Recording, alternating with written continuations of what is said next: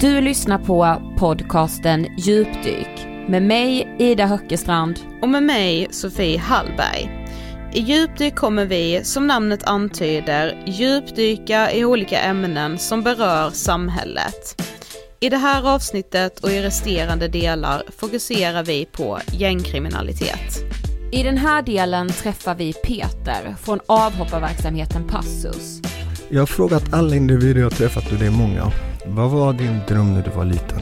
Det är aldrig någon som har sagt att deras dröm var att bli kriminell. Oftast polis, militär, brandkår, fotbollsproff, eh, affärs, eh, företags. Och Anton som tidigare själv varit gängkriminell. I den sorgen och den ångesten som följer så försöker jag ta mitt liv genom att skjuta mig själv i huvudet. Men min pistol klickar.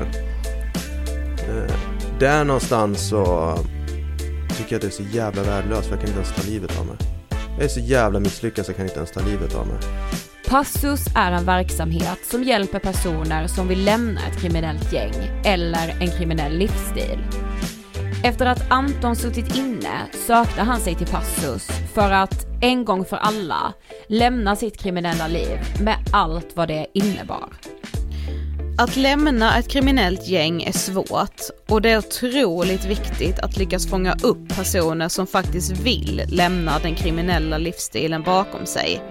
Man pratar om ett motivationsfönster. Ett fönster som kan handla om minuter. Anton heter egentligen något annat. Eh, mitt namn är Peter Svensson, jag är 43 år och jag är verksamhetsansvarig på Passus, Fryshuset, som är en avhopparverksamhet. Eh, ja, vem är jag? Det har jag väl ställt Den frågan ställer jag väl till mig själv många gånger. Jag är en före detta gängkriminell som har levt ett kriminellt liv sedan jag var ungefär 13. Eh, när jag var 27 och satt min sista fängelsevolta så bestämde jag mig för att försöka göra en förändring och fick hjälp att ta kontakt med Passus via en vän. Eh, och där startade väl min resa till det normala mm, Svenssonlivet eller vad man ska säga. Så idag så har jag ju vanligt jobb, jag pluggar, jag eh, har fått hem mina barn på heltid, eh, hund, ja allt det där tråkiga. Och Peter, du jobbar ju på Passus som är en del av Fryshuset. Kan inte du bara berätta, vad gör Passus?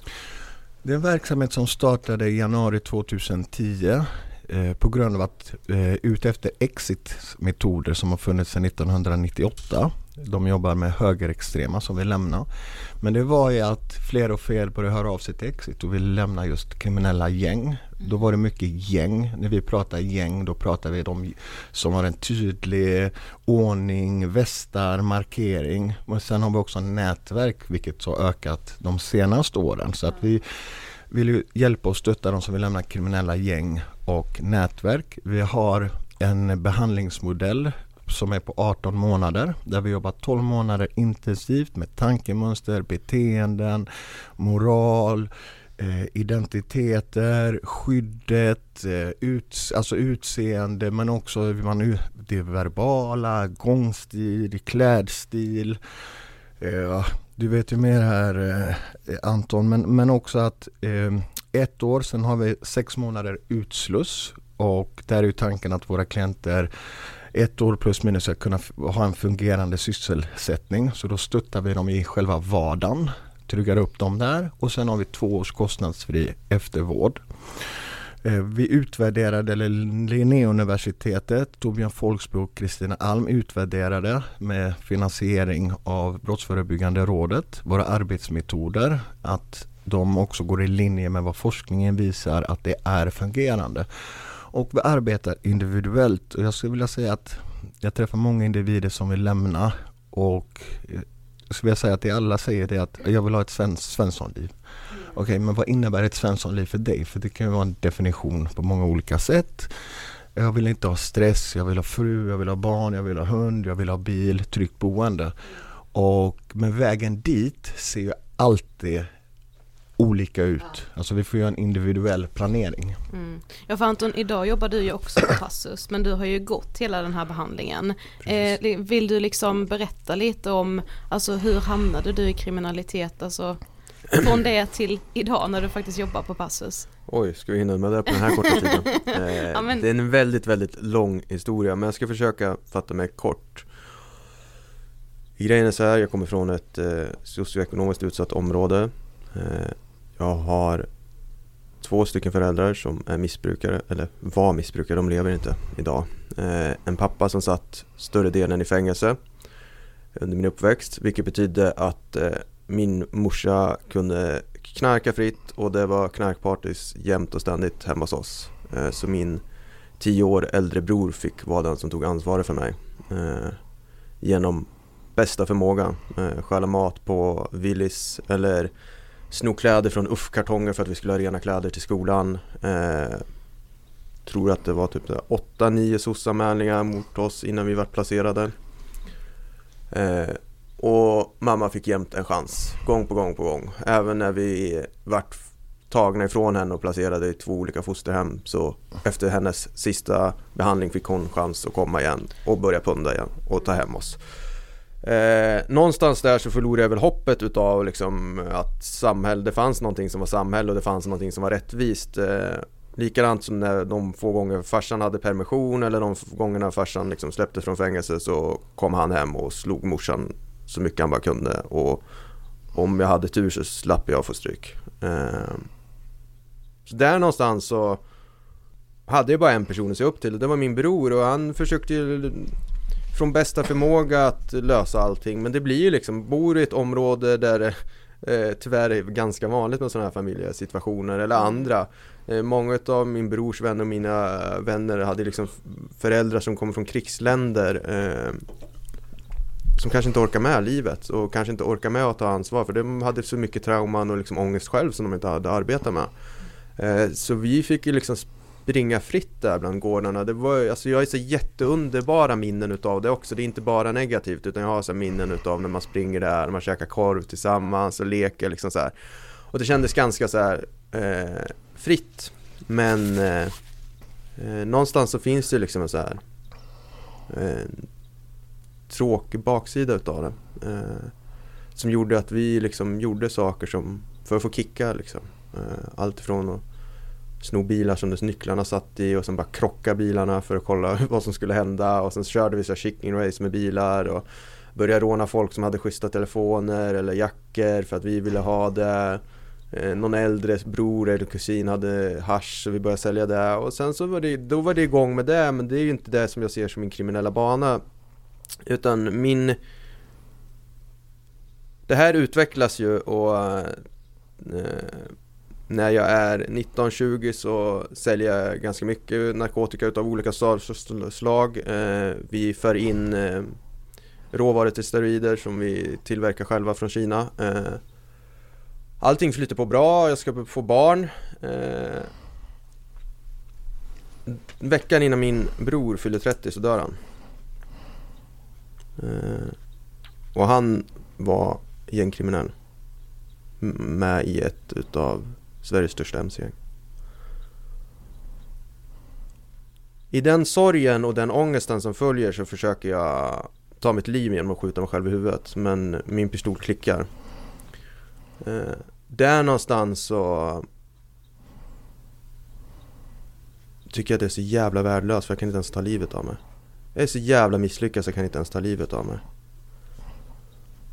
Och jag tar så mycket droger jag bara kan och jag dricker så mycket jag bara kan men ingenting funkar utan det är liksom så här. Ingenting funkar överhuvudtaget. Och i det här så eh, är jag tvungen att ta kontakt eh, med några som tillhör den klubben som min bror tillhörde för att jag ska lämna tillbaka min brors eh, kläder och gängtillhörigheter. Och när jag kommer dit så är det liksom så här att alla sitter typ och pratar om hur bra min brorsa var och liksom, hur mycket de älskar min bror. Och att det var, hans, det var liksom deras bror också.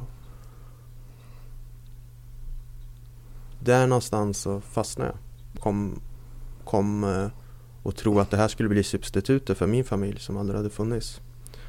Eh, och framförallt att jag kanske kunde få nya bröder fast de kanske inte var lika bra som min bror. Eh, men så var det personer som var nära honom. Och jag har väl, jag, jag, har väl inte så mycket dåligt att säga om själva liksom klubben i sig eller medlemmarna i sig eh, just för att just då och där och längre in i mitt liv så har det liksom det har räddat mitt liv. Det har gjort så att jag inte har liksom tagit livet av mig. Mm. För bakgrejen är liksom att jag har haft sån jävla mycket ångest utan att veta om det. Mm. Som jag har försökt liksom få ut på alla möjliga sätt. Genom att använda våld mot andra. Eh, vara taskig i relationer mot andra. Alltså då menar jag så sexuella relationer men också med liksom vänner.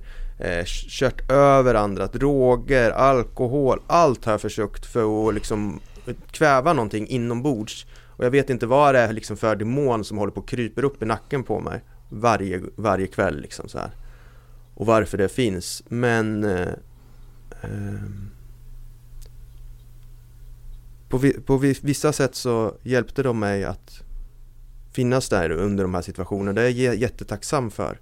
Problemet är att tar du bara och har en låda trasigt lego så kommer det bara bli destruktivt. Alla, även om vi älskade varandra och även om vissa av dem, jag ser dem som verkliga vänner som ställde upp sen när jag ville lämna gänget och de betalade min avhopparavgift och sånt. Så det, det är ju verkligen riktiga vänner på det sättet.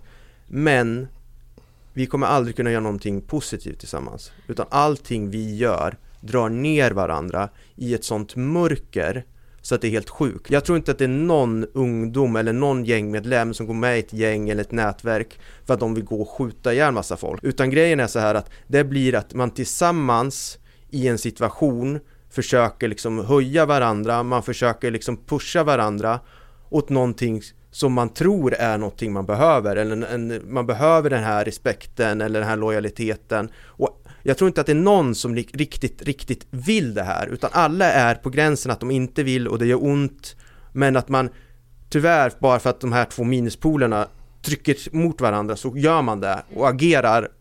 Och sen så är karusellen igång. Eh. Det är klart också att det är individuellt för alla men skulle, om man får ändå generalisera lite, är det liksom det här någonting som ni hör ofta i er verksamhet, just att man har liksom sökt den här gemenskapen, att man kommer från en bakgrund med mycket kanske psykisk ohälsa som man heller aldrig har lärt sig att sätta ord på. Ja, jag tänker det ser ju olika ut, nu pratar ju eh, Anton om en typ av gäng där det finns tydliga, det finns lagbokar, det finns regler, sen kan man ju tänja på dem hur man vill.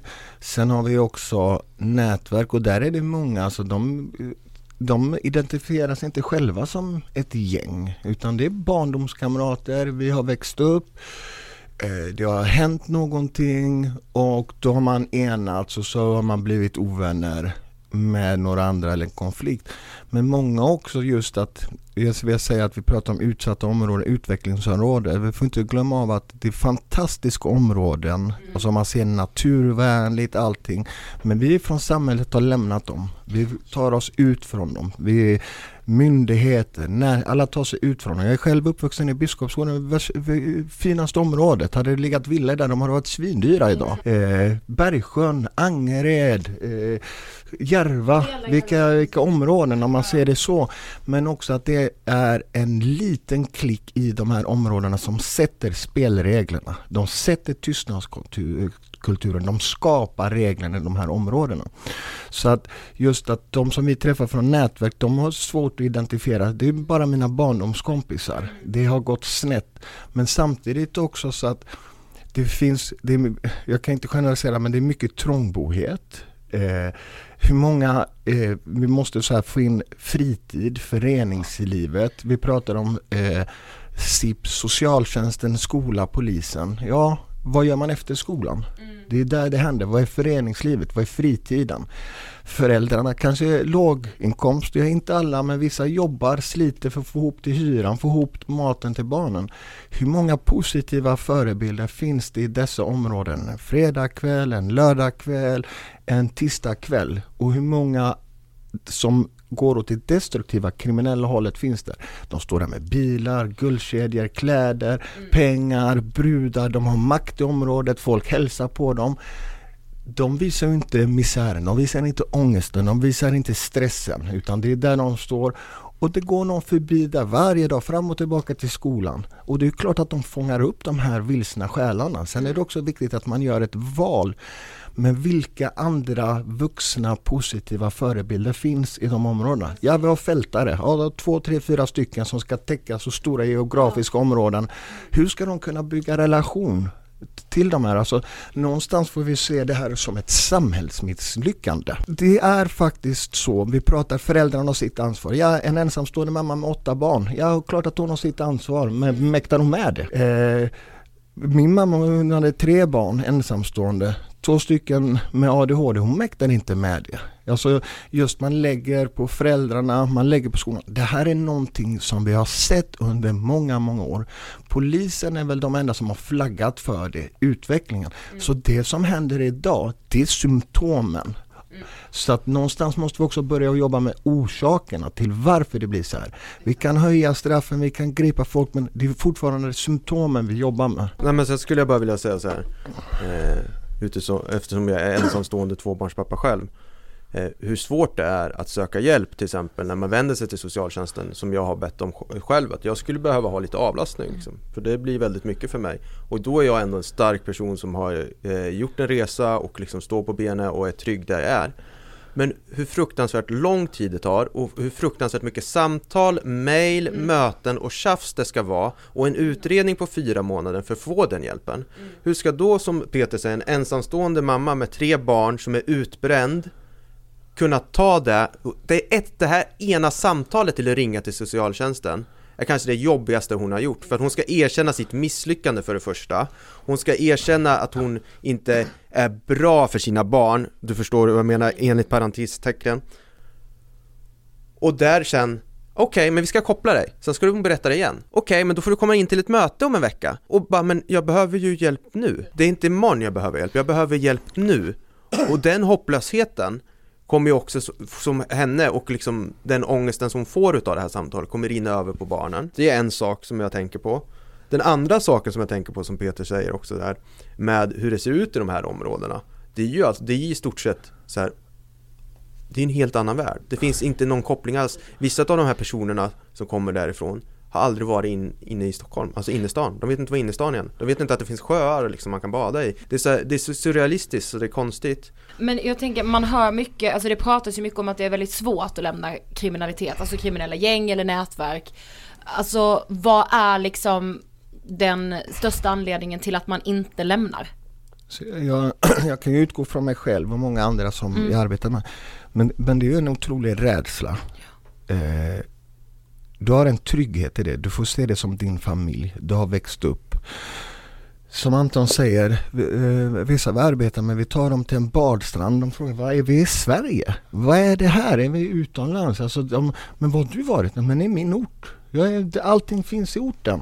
Bästa här i Stockholm kanske gå in på Stureplan eh, fredag, lördag. Det är det man ser. Men, men just att det är svårigheterna eh, att lämna någonting som man kan till. Man är, eh, man har ingen alltså, direkt eh, eh, positiv syn till myndigheter, mm. till systemet. Man ska lämna någonting, man ska lita på främmande människor. Eh, man ska lämna, alltså, lämna sin trygghet och det, det är ju det som blir otroligt svårt att bryta. Det som du ska lämna din familj, alla du känner och så byta ort. Även om man inser att det är ett helvetesliv, man är sönderstressad. Jag tror att det är det och där behövs det också snabba insatser. Man behöver också trygga upp de här individerna och påvisa att, att det, det, funkar. Men jag tror det största är en, en, en rädsla just att bryta. Sen har vi också, och det är också viktigt det där, vi har anhörigstöd på Fryshuset. Eh, och Eh, vi har en och en halv tjänst med anhörigterapeuter som är kostnadsfritt. Det kan vara videosamtal, det kan vara telefonsamtal, det kan vara fysiska träffar. Eh, och man behöver, eh, kan vara anonym. Men det som forskningen påvisar det är ju att föräldrarna ser det först om det händer någonting med deras barn. Också som förälder så blir man så medberoende så oftast gör man allting fel. Alltså man möjliggör en högerextrem, man trycker den mer och mer in i, i det. Man möjliggör för en kriminell och deras kriminella karriär för att man blir, man tror man gör rätt men känslomässigt blir det fel. Och när det kommer en mamma, pappa 50-55 år, eh, belånat huset, tömt pensionspengarna, går sjukskriven, går på tårna för en kriminell son som styr hela familjen. Och så att målet är ju också, det är ju också den skammen som Anton säger att de kommer oftast när det har gått väldigt långt ringa och säga att shit, vi behöver hjälp. För att det går med rätt metoder så är det också föräldrarna som kan påverka dem på bästa möjliga sätt när de får rätt stöttning. Men också om de inte får det på det sämsta sättet för att man tror att man gör. Men jag betalar den här skulden, låt dem bo hemma men de kommer dö om de inte gör det. De kommer dö ändå. Så att man hela tiden förstärker. Men hur går det då till när man söker hjälp eh, hos Passus? Det ser så olika ut. Antingen att man kontaktar Passus eller så kommer det via socialtjänsten. Polisen jobbar aktivt med att stötta avhoppare utan att man ska behöva lämna någon information. Kriminalvården. Så att det ser olika ut men för att vi ska kunna få ett uppdrag så är det ju också att vi behöver få med socialtjänsten som finansierar det. Men Anton hur var det för dig? Alltså kan du minnas, alltså var det så att du många gånger tänkte att du liksom att du ville hoppa av eh, men inte kunde och vad var det som till slut fick dig att ta kontakt med Passus? Jag har eh, förstått att jag har levt ett destruktivt liv väldigt länge och jag har haft en önskan utav att inte kanske leva så destruktivt och kanske vara en bättre pappa. Eh, däremot så har jag haft eh, kompromisser på att eh, jag skulle kunna bolla ett kriminellt liv med ett svenssonliv och leva dubbelliv eller att jag skulle kunna bara vara lite kriminell och sluta med droger och alkoholfestandet eller om jag slutar umgås med vissa individer så, och bara tjäna de här pengarna för som sagt jag tjänade ganska bra med pengar under den här tiden. Mm. Eh, så jag har försökt på mitt sätt så många gånger men det har inte funkat alls. Eh, jag har haft en önskan, jag har eh, varit inskriven i olika kriminalvårdsprogram som eh, entré som en avhopparverksamhet. Eh, jag försökte lämna den staden som jag bodde i för det var ganska hett och det var ganska mycket som hände just då. Eh, vilket ju vart ett problem eftersom jag var skriven hos kriminalvården och mm. kriminalvården vägrade skriva mig i en annan, eh, i en annan kommun. Så det slutade med att jag fick ett eh, fängelsestraff på tre år och åtta månader två timmar efter jag hade varit hos kriminalvården. Eh, det var en konflikt som var tvungen att lösas. Hur kom du i kontakt med Passus? Grejen var så här att eh, jag satt på Österåkersanstalten. Det, hade, det är en behandlingsanstalt eh, som har tolvstegsbehandling så att man kan få hjälp med alkohol och droger. För det var min plan, jag slutar med alkohol och droger så kan jag gå ut och göra ännu mer pengar. Och jag kommer kunna få tillbaka mina barn för det är ingen som kan säga någonting om jag inte håller på med droger. Liksom. Någonstans där så fick jag en väldigt bra vänskapsrelation med en person som var tio år äldre, som var, hade en väldigt karismatisk personlighet. Eh, nu i efterhand så förstår jag att eh, det som lockade mig var att han var väldigt lik min storebror i både sätt, beteende och ålder. Eh, absolut inte utseendemässigt men han i alla fall berättar om hans liv att han har ju hållit på det här, det här tio år, han tänker lägga ner och han berättar att han har en vän som jobbar på eh, ett ställe som hjälper folk typ med lägenheter och grejer och typ hjälper dem om man vill sluta vara kriminell. Men du kan ju träffa honom så får du snacka själv. Liksom. Så jag, man har inte så mycket där inne att göra på anstalt så det var ju schysst att få bort, liksom slå ihjäl en timme jag. Eh, så jag träffade honom då och kommer in i besöksrummet och möter den här gigantiska mannen som det var Eh, som, som är ganska, eller som var ganska känd i, eller väldigt känd i kriminella kretsar. Varit med om bankrån och skjutit mot polisen och grejer.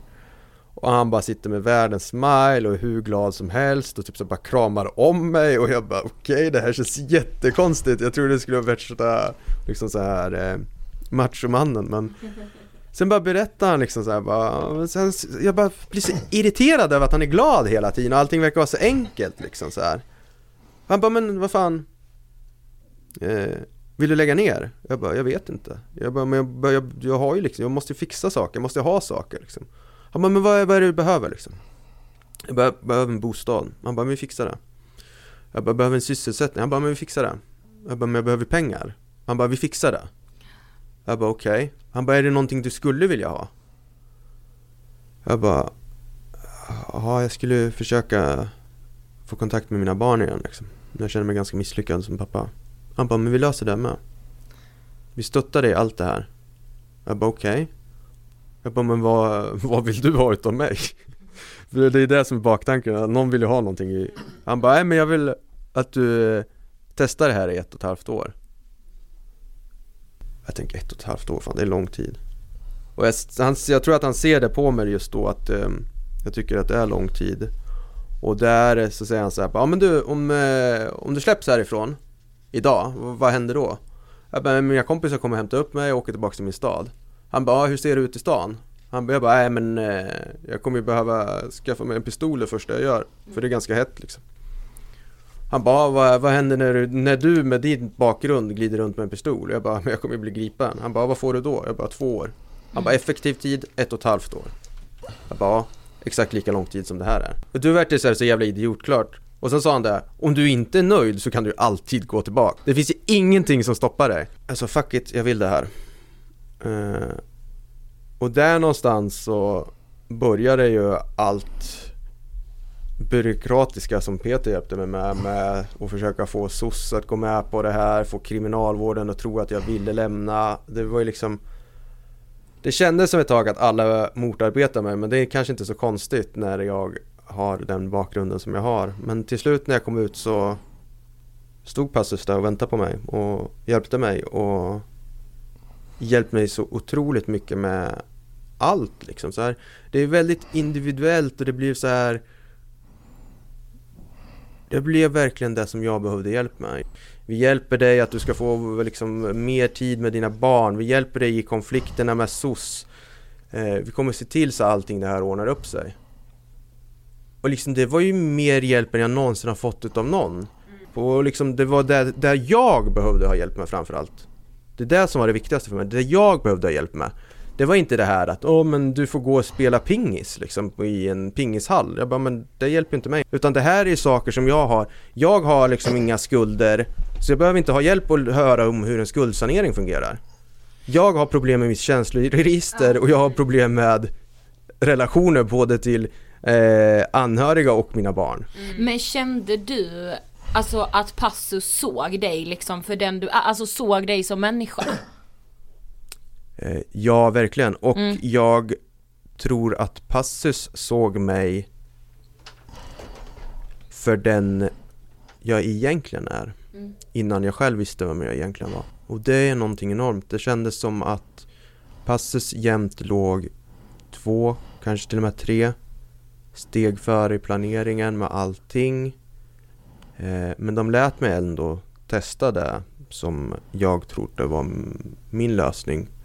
Och som sagt, det var absolut inte min lösning. Jag eh, har jämt varit ganska driven och haft företag och min tanke var att jag skulle in och börja jobba på en gång och det skulle vara lösningen på allting. Eh, jag fick en, en administrativ chefroll i ett byggföretag ganska fort. Eh, och jag var ingen trevlig person i det arbetet alls varken i relationer eller mot andra och det tror jag att redan Passus visste för de hade en annan idé med eh, utbildningar och eh, ja, vad jag jobbar med idag. Vilket... Du utbildar dig också. ja precis, jag utbildar mig samtidigt och, jag, och det är också en sån här sak. Jag skulle nog aldrig någonsin eh, sitta i en skolbänk längre, tror jag. Men jag vågar. Jag, vågar. jag har vågat jäkligt mycket som jag inte trodde att jag skulle vågat. Och saker som har eh, gett mig mervärde i livet och gett också så här saker som jag praktiskt vet hur jag ska göra för om jag mår dåligt liksom så här. Eh, för det är inte, det är inte så här, det är inte det är inte det att jag lever ångestfritt idag. Nej, det är abs abs absolut inte. Och sen så är det ju så att enda sättet att gå igenom ett trauma är ju att man ska prata om traumat. Det är ju det vi har lärt mig terapin med hos Passus. Mina barndomstrauman som har varit så jobbiga är någonting som jag kan prata om idag utan att det ligger känslor runt omkring det. Och det är väl någonting som är så, som är så här, i samhället i lag så känns det som att man inte ska prata om saker. Man ska inte prata om självmord, man ska inte snacka om sexuella övergrepp, man ska inte prata om våld, man ska inte prata om dåliga relationer.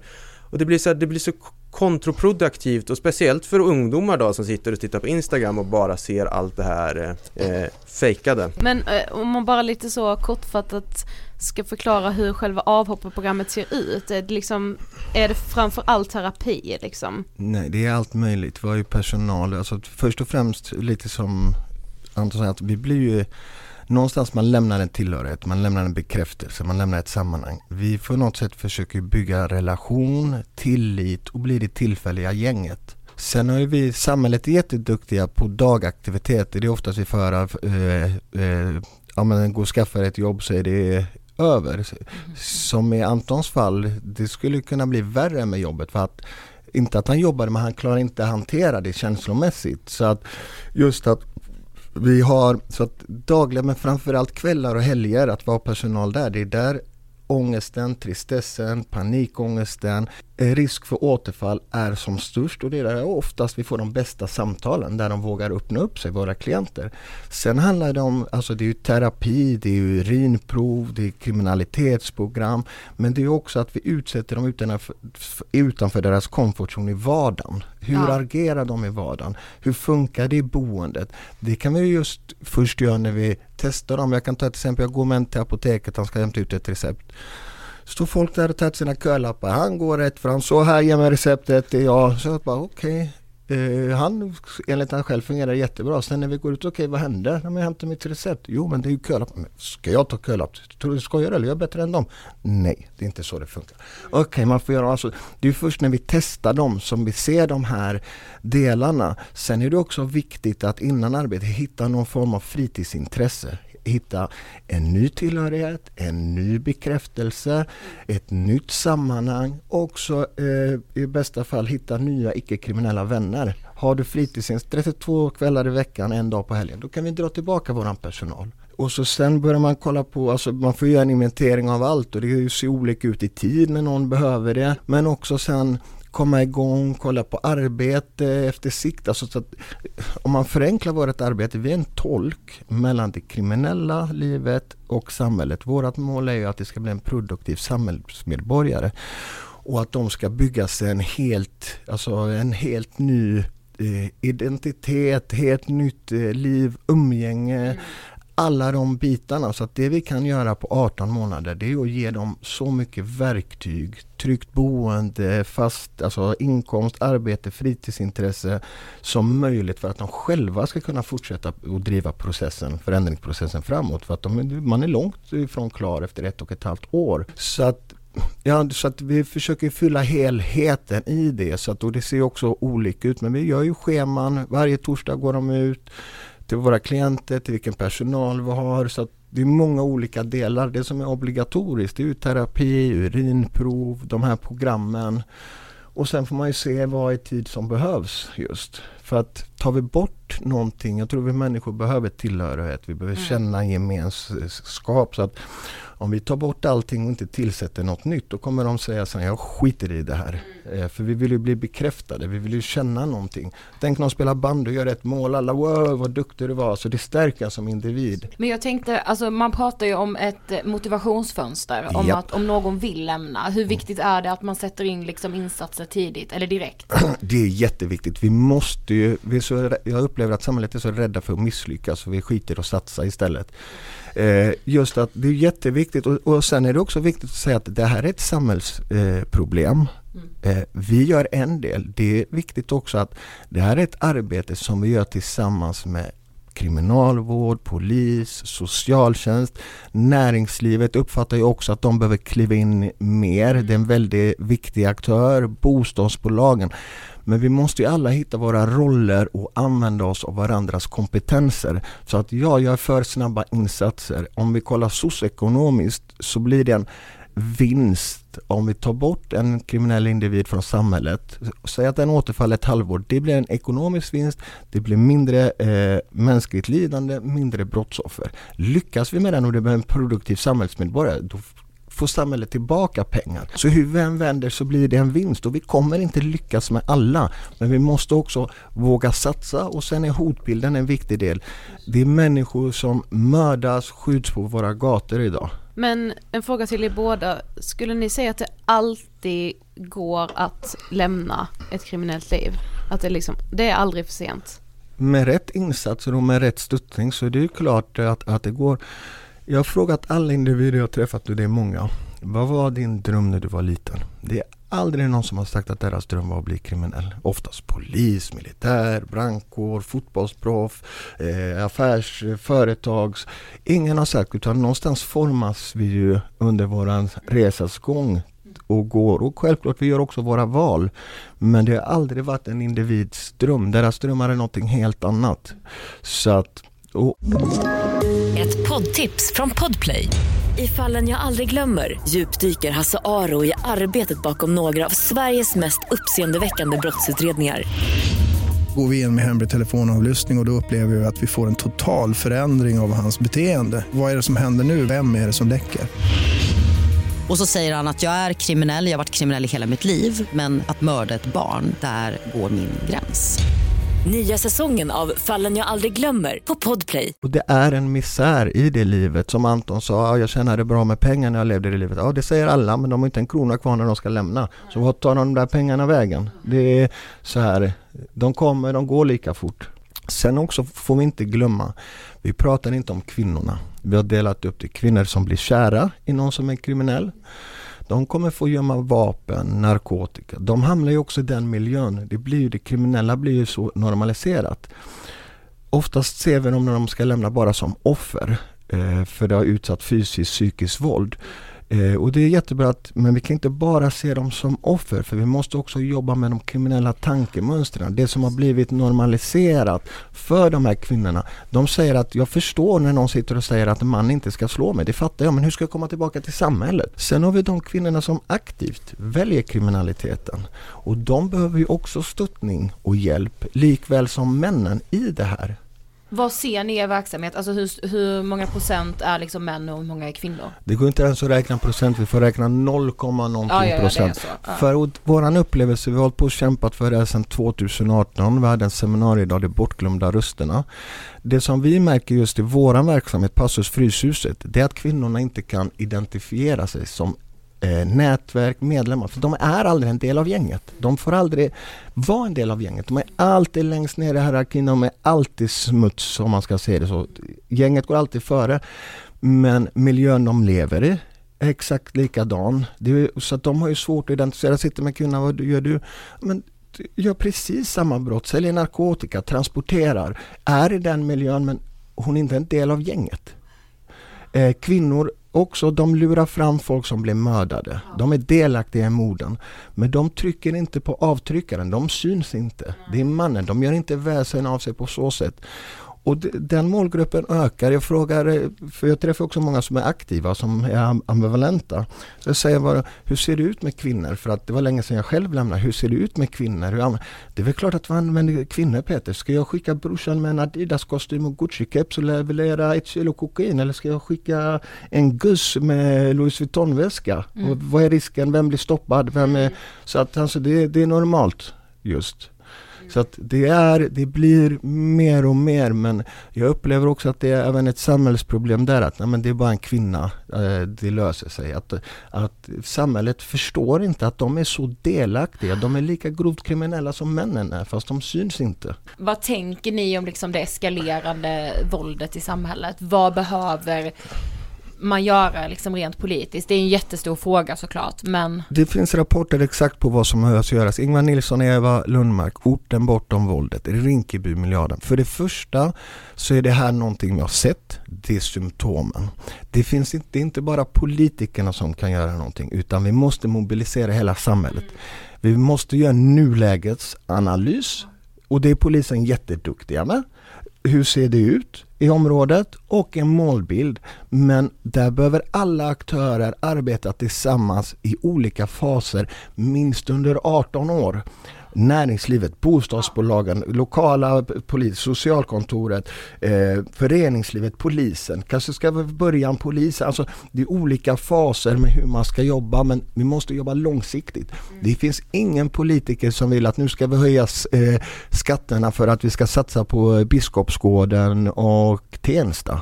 Det, det, är inte så mycket röster de kommer få från det där. Och plus att vara fyra år politiskt mandat, vara ett års budgetar i kommunerna. Så att det, vi måste ju satsa långsiktigt. Vi ser ju det här. Alltså det, vi vet vad som behövs göras.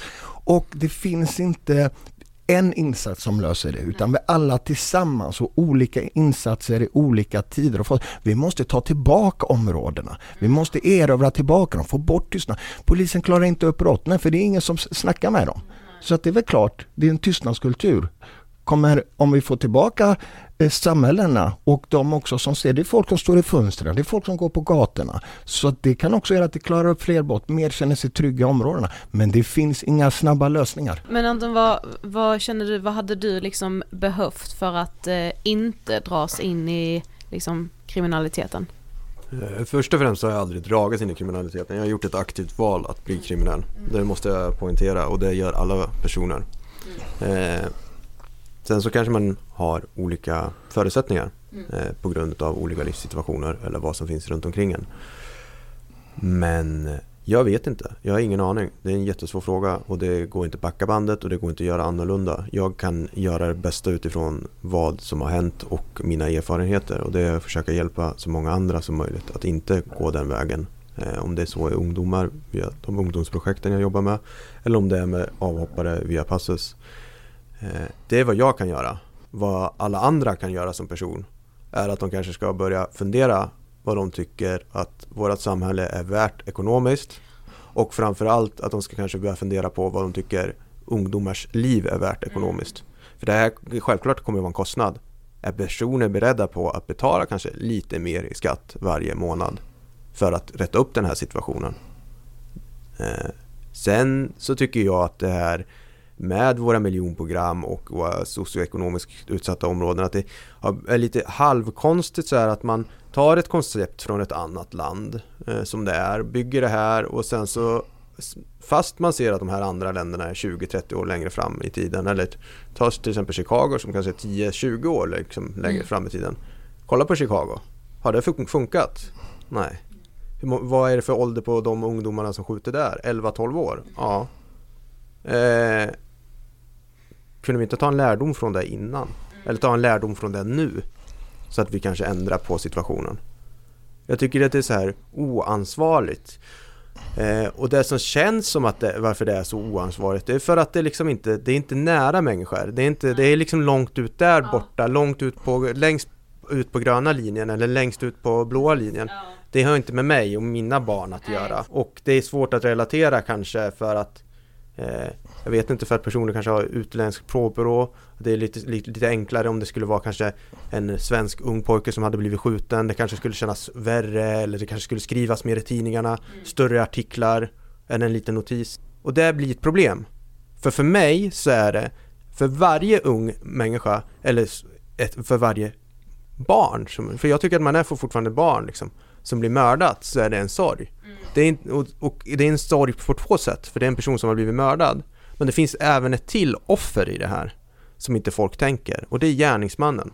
För det är inte så att gärningsmannen är en ondskefull person som bara vill skada och förstöra som i någon eh, Hollywoodfilm. Utan det är en trasig förmodligen, ganska eh, bräcklig ung pojke som har blivit kanske mer eller mindre tvingad till att göra någonting för att eh, han ska passa in. Men en, bara en sak till som jag tänker på, alltså för nu, nu sa ju det, du, du sa det nu Anton att så här, jag blev inte indragen utan jag liksom valde det själv.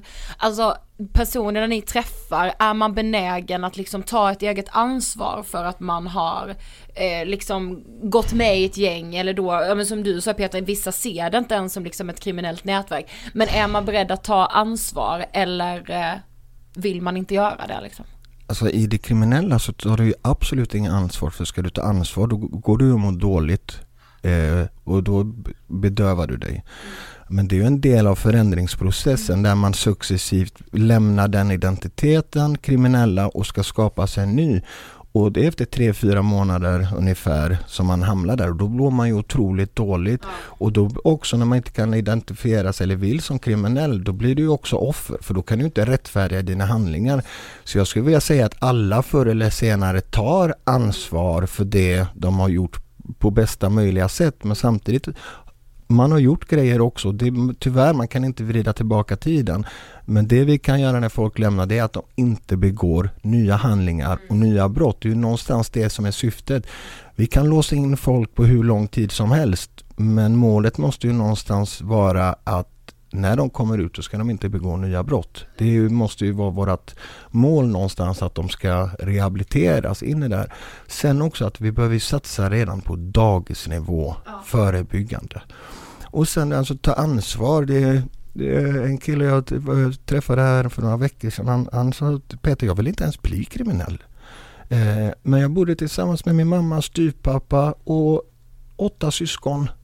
Det eh, var mycket våld, Eh, så att jag ville inte vara hemma. Jag ville därifrån. Så jag begick brott för att de skulle tvångsomhänderta mig. Men sen när jag var 18 då kunde de, eh, blev jag utsläppt så att då fick, begick jag brott för att hamna inom kriminalvården. För jag ville inte vara hemma. Jag hade ingenstans att bo och jag mådde inte bra hemma. Det var övergrepp, alltså det var allting. Så att det är ju klart att, att folk tar ansvar och är medvetna om vad de gör förr, förr eller senare. Lyssna på resterande avsnitt. Du hittar allt i Djupdyks flöde. För mer information och material kan du kolla Djupdykpodden på Instagram.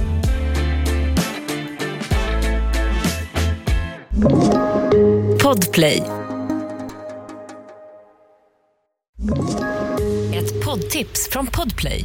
I fallen jag aldrig glömmer djupdyker Hasse Aro i arbetet bakom några av Sveriges mest uppseendeväckande brottsutredningar går vi in med hemlig telefonavlyssning och, och då upplever vi att vi får en total förändring av hans beteende. Vad är det som händer nu? Vem är det som läcker? Och så säger han att jag är kriminell, jag har varit kriminell i hela mitt liv men att mörda ett barn, där går min gräns. Nya säsongen av Fallen jag aldrig glömmer på Podplay.